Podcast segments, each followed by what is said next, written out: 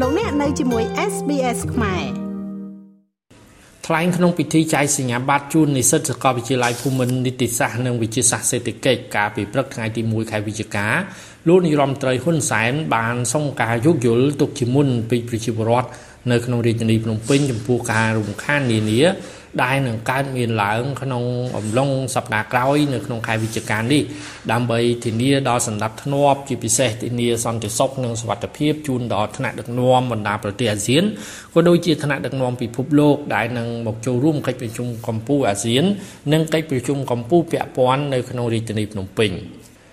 ការបិទផ្លូវដើម្បីសម្រួលដល់ការធ្វើដំណើររបស់គណៈប្រតិភូបរទេសនិងបង្កការរំខានទៅដល់ប្រជាពលរដ្ឋពិតមែនក៏ប៉ុន្តែលោកនាយរដ្ឋមន្ត្រីហ៊ុនសែនលើកឡើងថានេះជាមោទនភាពមួយសម្រាប់ប្រទេសនិងប្រជាជនកម្ពុជាទាំងមូលដែលត្រូវទទួលរៀបចំកិច្ចប្រជុំថ្នាក់តំបន់និងថ្នាក់ពិភពលោកនេះ។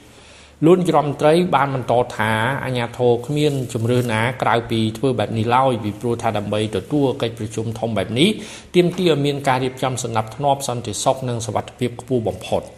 ក្នុងរយៈពេលប្រមាណថ្ងៃខាងមុខនេះប្រជាជននៅទីក្រុងភ្នំពេញយើងអាចជួបការលំបាកបន្តិចព្រោះយើងត្រូវរៀបចំផ្លូវដើម្បីជៀសវាងនឹងការកកស្ទះចរាចរណ៍អញ្ចឹងក៏សូមអភ័យទោសទុកជាមុនសម្រាប់ប្រជាពលរដ្ឋ របស់យើងយើងធានាសុវត្ថិភាពយ៉ាងណាដើម្បីកុំឲ្យ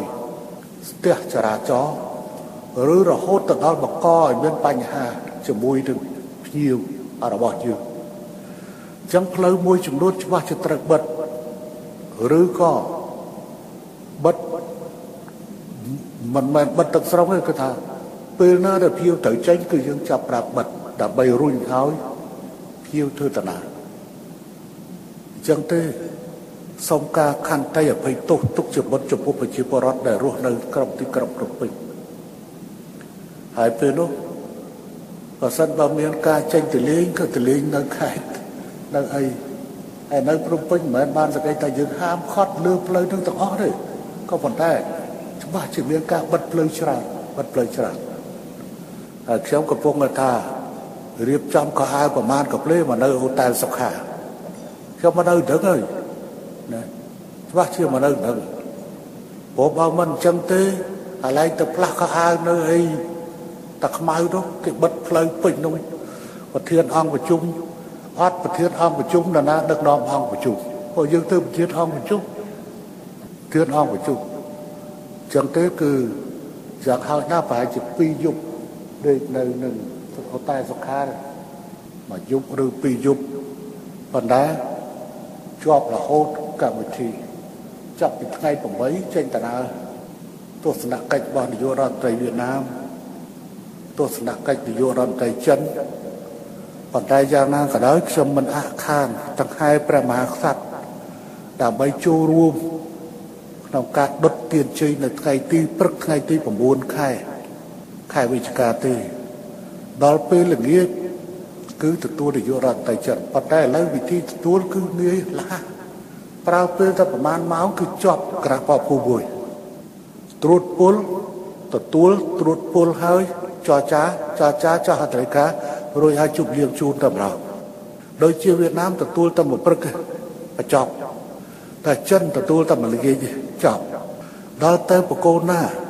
ទទួលស៊ុលតាំបរិណេបកូនណាទទួលហើយ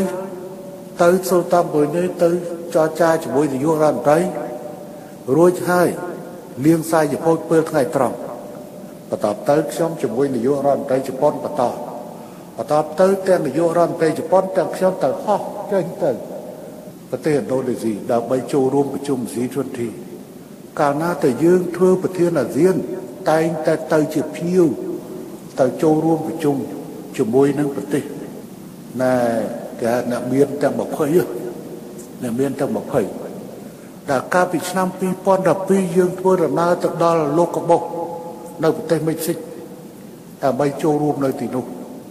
ហើយយើងក៏បន្តចេញពីនោះមកដល់ដល់តែបាកកប្រជុំអេប៉ិចដល់ចូលមកក្នុងស្រុកនេះវាកប់ជួនទៅដល់អាដែងកម្មវិធីនានាទៅរាប់ទាំងកីឡាដាក់ជាតិរបស់យើង ត្រូវបើកកីឡាថ្នាក់ជាតិនិងកម្មវិធីមួយចំនួនដែលរងចាំនៅក្នុងស្រុកខ្មែររបស់យើងជាបន្តទៀតប៉ុន្តែនេះជាកិច្ចការដែលយើងជៀសវាងមិនបាន សូមបញ្ជាក់ថាកម្ពុជានឹងរៀបចំកិច្ចប្រជុំកម្ពុជាអាស៊ាននិងកិច្ចប្រជុំកម្ពុជាពាក់ព័ន្ធចាប់ពីថ្ងៃទី10ដល់ថ្ងៃទី13ខែវិច្ឆិកានៅរាជធានីភ្នំពេញប្រមុខរដ្ឋនិងប្រមុខរដ្ឋាភិបាលនៃបណ្ដាប្រទេសសមាជិកអាស៊ានក៏ដូចជាមេដឹកនាំបណ្ដាប្រទេសធំធំដូចជាសហរដ្ឋអាមេរិកចិនរុស្ស៊ីជប៉ុនអូស្ត្រាលីកូរ៉េខាងត្បូងជាដើមនឹងអញ្ជើញមកចូលរួមក្នុងកិច្ចប្រជុំនៅសប្តាហ៍ក្រោយនេះ។ នៅថ្ងៃបិទបញ្ចប់កិច្ចប្រជុំនាថ្ងៃទី13ខែវិច្ឆិកាកម្ពុជាត្រូវប្រគល់ញញួរប្រធានអាស៊ានជូនទៅប្រទេសឥណ្ឌូនេស៊ី